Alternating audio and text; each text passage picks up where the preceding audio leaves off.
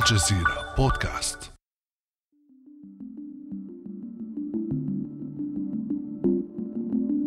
بجميع المقاييس لم يكن ديسمبر الماضي في الأردن عادياً.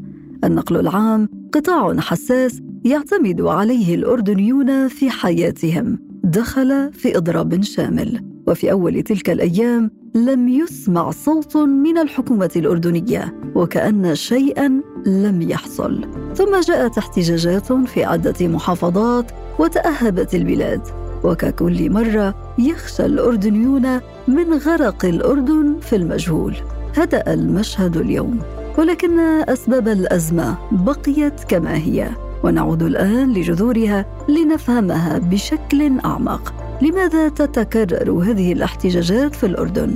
وما سبب مشاكله الاقتصادية المزمنة؟ وكيف يمكن حلها؟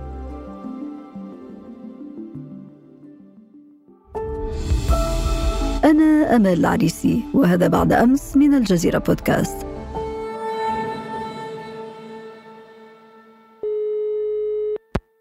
ضيفي في هذه الحلقة الأستاذ عامر الشوبكي الخبير الاقتصادي الأردني. أهلا وسهلا بك أستاذ عامر. أهلا وسهلا أمال لك ولجميع المستمعين الكرام. لنبدأ نقاشنا أستاذ عامر بسؤال بسيط ولو أنه الأزمة معقدة. ما الذي حدث مؤخرا في الأردن؟ بسط لنا المشهد. احتجاجات اللي بدأت في الأردن عقبها إضرابات في قطاع الشحن وقطاع النقل. ارتفعت أسعار الوقود بنسب كبيرة 45% للديزل مادة ضرورية في النقل والشحن وسبب هذه الاحتجاجات 45% ارتفعت فقط في هذا العام مع ثمان ارتفاعات متتالية و16 ارتفاعا خلال العامين الماضي والذي سبقه وبالتالي كانت الأسعار أسعار الوقود وصلت إلى حدود لا تتناسب مع دخول المواطنين وتسبب خسائر لقطاع الشحن والنقل تفوق الجدوى الاقتصاديه من أعمالهم وبالتالي أيضا هذا في ظل معدلات فقر معدلات بطالة مرتفعة في الشارع الأردني ويعني سخط على بعض الخدمات المقدمة من الحكومة وارتفاع العبء الضريبي بشكل كامل على المواطن. وبالتالي عدة أسباب أدت لهذه الأزمة التي انفجرت عند الارتفاع الأخير في ديسمبر. ووصل سعر الديزل إلى قرابة الأكثر دولار وربع للتر وبالتالي كان بعيدا عن متناول المواطنين حتى في التدفئة أسعار الغاز أيضا بعيدا عن متناول المواطنين. نعم. هل ترى أستاذ عامر أن هناك تشابها بين هذه الاحتجاجات واحتجاجات 2018 في يعني بالنسبة لأسعار الوقود كانت الشعرة التي يعني قسمت ظهر البعير وبدأت بها الاحتجاجات في 2018 ومؤخرا في ديسمبر وبالتالي هي تتشابه في هذا الأمر. الحكومة الأردنية اعتمدت بشكل متزايد على ومفرط على الضرائب من المشتقات النفطية أصبحت تشكل ثلث الإيرادات الضريبية للحكومة وبالتالي وضعت في العام 2018 ما يسمى بالضريبة الثابتة المقطوعة نسبها كبيرة مرتفعة من السعر المباع للمواطن. وأعتقد أنها لم تراعي دخول المواطنين المنخفضة وبالتالي عدم قدرتهم على تسيير أعمالهم مع عدم وجود مثلا بالنسبة للسائقين المعتمدين على البنزين عدم وجود بدائل من وسائط النقل العام آه التي توفي بحاجتهم وتحول دون استخدامهم لمركباتهم الخاصة. فبالتالي أعتقد أنها متشابهة بالنسبة لارتفاع أسعار البنزين كناحية نهائية رغم أن هنالك كانت تراكمات في العام 2018 أيضا من قانون ضريبة كان يعد له ويفرض ويشرع ليطبق على المواطنين. نعم. بناء على كل هذه المعطيات أستاذ عامر وحتى يكون المستمعون في الصورة معنا لنشخص هذا الوضع الاقتصادي في البلاد. أين يقف اقتصاد الأردن اليوم؟ نعم الاقتصاد الأردني حقيقة يعاني منذ فترة. قبل حتى جائحة كورونا كانت معاناة من اللجوء الذي حدث إلى الأردن، التوترات السياسية في العراق وفي سوريا يعني جعلت حدود هاتين الدولتين مغلقتان أمام البضائع الأردنية وبالتالي كان ضغطا على جميع القطاعات الاقتصادية في الأردن التي كانت تعتمد على تصريف بعض بضائعها إلى العراق وسوريا القطاعات الزراعية، الاقتصادية، الإنتاجية، البتروكيماوية. فكان اعتماد على سوريا والعراق في تصريف البضائع الذي حدث في سوريا والعراق أثر بشكل كبير على الأردن، زاد هذا الأمر سوءا عمليات اللجوء إلى الأردن، يوجد أكثر من مليون لاجئ في الأردن وبالتالي في المقابل ارتفعت الاعتماد على الضرائب مع بداية البرنامج مع صندوق النقد الدولي ورفع الدعم عن مواد وسلع أساسية ضرورية، الاقتصاد الأردني الآن يعاني من نسبة عجز في الموازنة متزايدة. وصلت في العام الحالي المتوقع أن تصل إلى 3 مليار دينار أردني. الدين العام آه، يعني فاق ال 52 مليار دولار وبالتالي متوقع طبعا العام الحالي أن يرتفع إلى 55 مليار دولار وهذا يشكل نسبة كبيرة تفوق ال 113% من الناتج المحلي الإجمالي.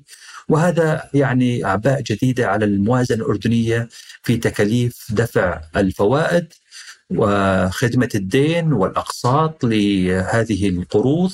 وبالتالي هذا على حساب النفقات الرأسمالية والنفقات المحلية والخدمات المقدمة للمواطنين. فهذه أعباء كبيرة على الاقتصاد الأردني. نعم.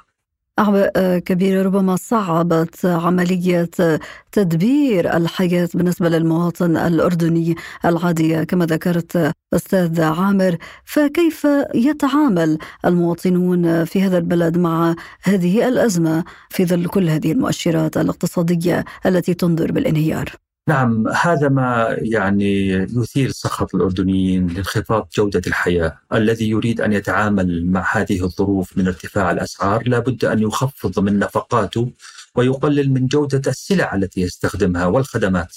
سواء آه، يعني مثلا الخضار، اللحوم، الكذا عندما تكون أقل جودة بأقل سعر هذا على حساب المواطن إذا توفرت في الكثير من الأسر. وبالتالي يعني آه، ارتفاع معدلات التضخم آه، أيضا أثرت بشكل كبير العالمية، ارتفاع أسعار السلع الغذائية، أسعار الوقود.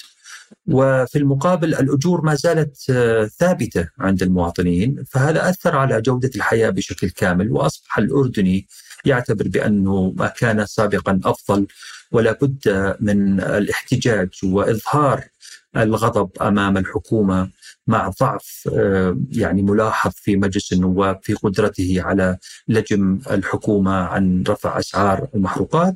وأيضا لنكن واقعيين قدرة الحكومة المحدودة التي سلمت أمرها إلى آه، قرارات صندوق النقد الدولي وأصبحت مسلوبه الإرادة تقريبا. في هذا السياق بما أنك أشرت إلى تعامل الحكومة مع هذه الأزمة الاقتصادية والمالية المزمنة التي تمر بها البلاد منذ سنوات برأيك ما هي أوجه الخلل في هذا التعامل؟ ما الذي جعل الأردن عالقا في مكانه بهذا الشكل؟ أعتقد الاعتماد على القروض بشكل مفرط والاعتماد على المساعدات والمنح التي انخفضت في الآونة الأخيرة أيضا بشكل كبير بشكل اعتمد عليها بشكل مفرط كان خطأ كبير. وأعتقد أنه ما يصيب العالم أيضا يصيب الأردن رغم حساسية وضع الأردن لملامسته لأطول حدود مثلا مع آه، الكيان الصهيوني وأيضا لملامسته مع نقاط توتر سواء في سوريا التي يعني نعلم جميعا مدى صعوبة الأوضاع السياسية فيها وأيضا في العراق. وبالتالي حتى يعني الحدود جنوبا لم تكن آه، مفتوحة بشكل كامل. يعني فرضت مثلا قوانين في السعودية لمنع مركبات الشحن أو صهاريج الشحن التي عمرها يزيد عن 20 عام من دخول الأراضي السعودية، مثلا هذا الأمر حرم أكثر من 6000 شاحنة يعني قرابة ال 30% من قطاع الشحن الأردني من دخول الأراضي السعودية. أستاذ عامر أنت أشرت إلى سياسة الاقتراض التي انتهجتها الحكومة الأردنية برأيك لماذا يواصل الأردن التعامل مع صندوق النقد أصلا ما الذي استفاده من هذه العلاقة التي تعود إلى أكثر من 33 عاما؟ أعتقد هذا أهم سؤال آمال الوضع مع صندوق النقد الدولي البرامج مستمرة منذ العام 1989 البرنامج الأخير في الإصلاح الاقتصادي بدأ في العام 2011 كان من أهدافه تحقيق الرفاه للمواطن الأردني تخفيض نسب الدين العام تخفيض عجز الموازنة. ويعني زيادة الخدمات المقدمة للمواطنين. وبالتالي هذا لم يتحقق في ال 12 سنة الماضية أو 11 سنة الماضية. وهذا الأمر بحاجة إلى مراجعة من الحكومة. بالعكس المديونية زادت. مثلا كانت في 2010 16 مليار دولار ارتفعت الآن إلى 52 مليار. العجز في الموازنة كان تقريبا 300 مليون في العام 2010 ارتفع الآن إلى 3 مليار. والمديونية كانت في العام 2010 قرابة ال 16 مليار دولار ارتفعت الآن إلى 52 مليار دولار وبالتالي لم يتحقق الرفاه الاجتماعي للمواطنين بالعكس زادت الأعباء زادت نسب الفقر زادت نسب البطالة وبالتالي هذا المفروض أن يكون إعلان عن فشل برنامج مع صندوق النقد الدولي. الضرائب العبء الضريبي الآن على المواطن الأردني أكثر من المتحمل. فاتورة الطاقة على المواطن الأردني تشكل 40% من دخله. العبء الضريبي يصل إلى 50% رغم أن الأرقام الرسمية تشير إلى أنها فقط 29% حتى 29% يعني عبء ضريبي كبير مع شعور عند المواطنين بأن مستوى أو جودة خدمات المقدمة من الحكومة سواء الصحة أو التعليم انخفضت في الآونة الأخيرة. إذا الحكومة الأردنية انتهجت سياسة الضريبة انتهجت سياسة الاقتراض وأيضا اللافت في هذه المرة في الاحتجاجات الأخيرة أنها انتهجت أيضا التعامل الأمني مع المحتجين الذين هم يدفعون ضريبة كل هذه الإجراءات والسياسات. صحيح. يعني كان التعامل أمني بامتياز يعني حتى في بداية الأزمة كان هنالك شبه عدم اهتمام بالمحتجين هذا ما فاقم الأمور. وجعلها تتطور أكثر. وربما كما تعلمين وصلت إلى مرحلة إسالة الدماء من بعض الجنود. وحالة الفوضى هي بشكل عام بيئة خصبة للكثير من مثلا الإرهابيين أو تجار المخدرات أو العصابات. وبالتالي هؤلاء الذين أثاروا الفوضى في نهاية الاحتجاجات وجدوا بيئة خصبة لاستعادة نشاطهم.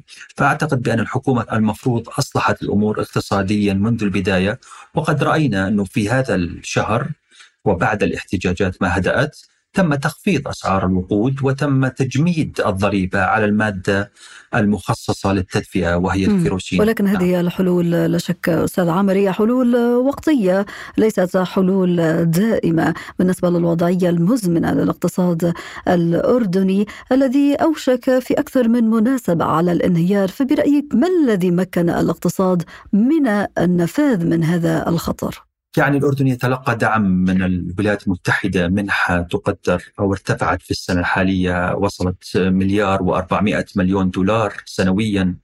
وبالتالي هنالك أيضا دعم خليجي للأردن من قطر من السعودية من الكويت. وهذا الدعم ربما ساعد الأردن في الكثير من الأحيان على عدم انهيار اقتصاده وأعتقد بأنه يأتي هو في اللحظة الأخيرة هذا الدعم. لكنك قلت في بداية الجملة كان هناك هل هناك تغيير في سياسات وإجراءات الدعم للدول الخليجية لفائدة الأردن؟ أعتقد بأن أصبحت المنح من الدول الخليجية أقل وأصبحت تقدم على شكل يعني أشكال أخرى منها دعم غير مباشر وربما عن طريق وضع احتياطات في المركز الأردني أو تقديم وظائف للاردنيين والمنح الأمريكية ازدادت على العكس ازدادت تقريبا 200 مليون دولار سنويا في العام الحالي من مستوى مليار و250 مليون إلى تقريبا مليار و450 مليون وأعتقد بانه صادق عليها الكونغرس وستبدأ تنفيذها من العام الحالي هذه الزيادة إلا أنها لا تكفي كما ذكرت هي إجراءات تجميلية لا تخفي الصورة الحقيقية للاقتصاد الأردني ولا تعالج أساس الموضوع وصلب الخلل في الاقتصاد الأردني. هل لذلك برأيك علاقة ببعض المواقف السياسية للأردن؟ يعني ربما أشعال بعض الاحتجاجات أعتقد بأنها مربوطة ببعض المواقف السياسية للأردن كما تعلمين هنالك اتفاق أو صفقه القرن قد اعترض عليها الأردن والكثير من القضايا التي تخص المسجد الأقصى والقدس وبالتالي آه، كنا نشعر ب آه، يعني قدوم آه، حكومة متطرفة في إسرائيل مثل حكومة نتنياهو. كانت دائما تشتعل الأمور بشكل أكبر ويتنحى الجميع عن مساعدة الأردن، أعتقد بأنه هنالك نعم ربط سياسي في الموضوع وضغط سياسي على الأردن. إذا في ظل كل هذه المؤشرات الاقتصادية التي ذكرتها أستاذ عامر وهذا الضغط السياسي على المستوى الداخلي والخارجي الشارع الأردني المواقف السياسية للحكومة الأردنية وغيرها هل ما زال من الممكن إصلاح الاقتصاد في الأردن؟ أعتقد بأن الفرصة موجودة مع بعض الإجراءات لتقليص الإيرادات أو النفقات الحكومية دمج بعض الهيئات المستقلة التي تستنزف الكثير من موازنات الدولة. يعني إذا اضطرت للضرائب فرض ضرائب على مواد لا تمس الحياة اليومية للمواطن مثل مثلا بعض السلع الغير مهمة مثلا والاستعاضة عنها بتقليص الضرائب على السلع المهمة وبالتالي يعني تحفيز الاستثمارات في الأردن. وأعتقد بأنه هذا أيضا يحتاج إلى مشاركة دولية ومن دول عربية وخليجية والأردن دائما سباق ومتواجد في جميع المحافل العربية. في الختام أستاذ عامر إلى أين يتجه الأردن؟ أعتقد بأن الأوضاع في الأردن مرشحة للانفجار في أي وقت. إذا ما بقيت نفس الضغوط مسيطرة على الشارع الأردني من عبء ضريبي مرتفع من أسعار آه، يعني لا آه، لا يستطيع بدخل المواطن الوصول إليها وبالتالي آه، هي مرشحة للانفجار اوضاع في الشارع في أي وقت. إذا ما تداركت الحكومة ذلك وأعتقد بأن هنالك خطوات لمسناها الشهر الحالي بتدارك هذه المطالب الشعبية. وأعتقد بأن المطلوب أكثر من ذلك لكن الحقيقة والخوف يأتي من قرارات صندوق النقد الدولي التي تضغط دائما على الأردن ولا ترعى اهتماما حتى للاضطرابات الشعبية في آه، الاتفاقيات والمراجعات المتأخرة. المراجعه الأخيرة الآن مع صندوق النقد الدولي آه، يعني تم تعيين مشارك جديد، رئيس جديد للبعثة الصندوق مع الأردن وأعتقد بأنه سيكون أكثر تشددا مع الأردن، لذلك غير متفائل ببعض الإجراءات الحكومية القادمة. نعم. الأستاذ عامر الشبكي الخبير الاقتصادي الأردني شكرا جزيلا لك شكرا أمل كان هذا بعد أمس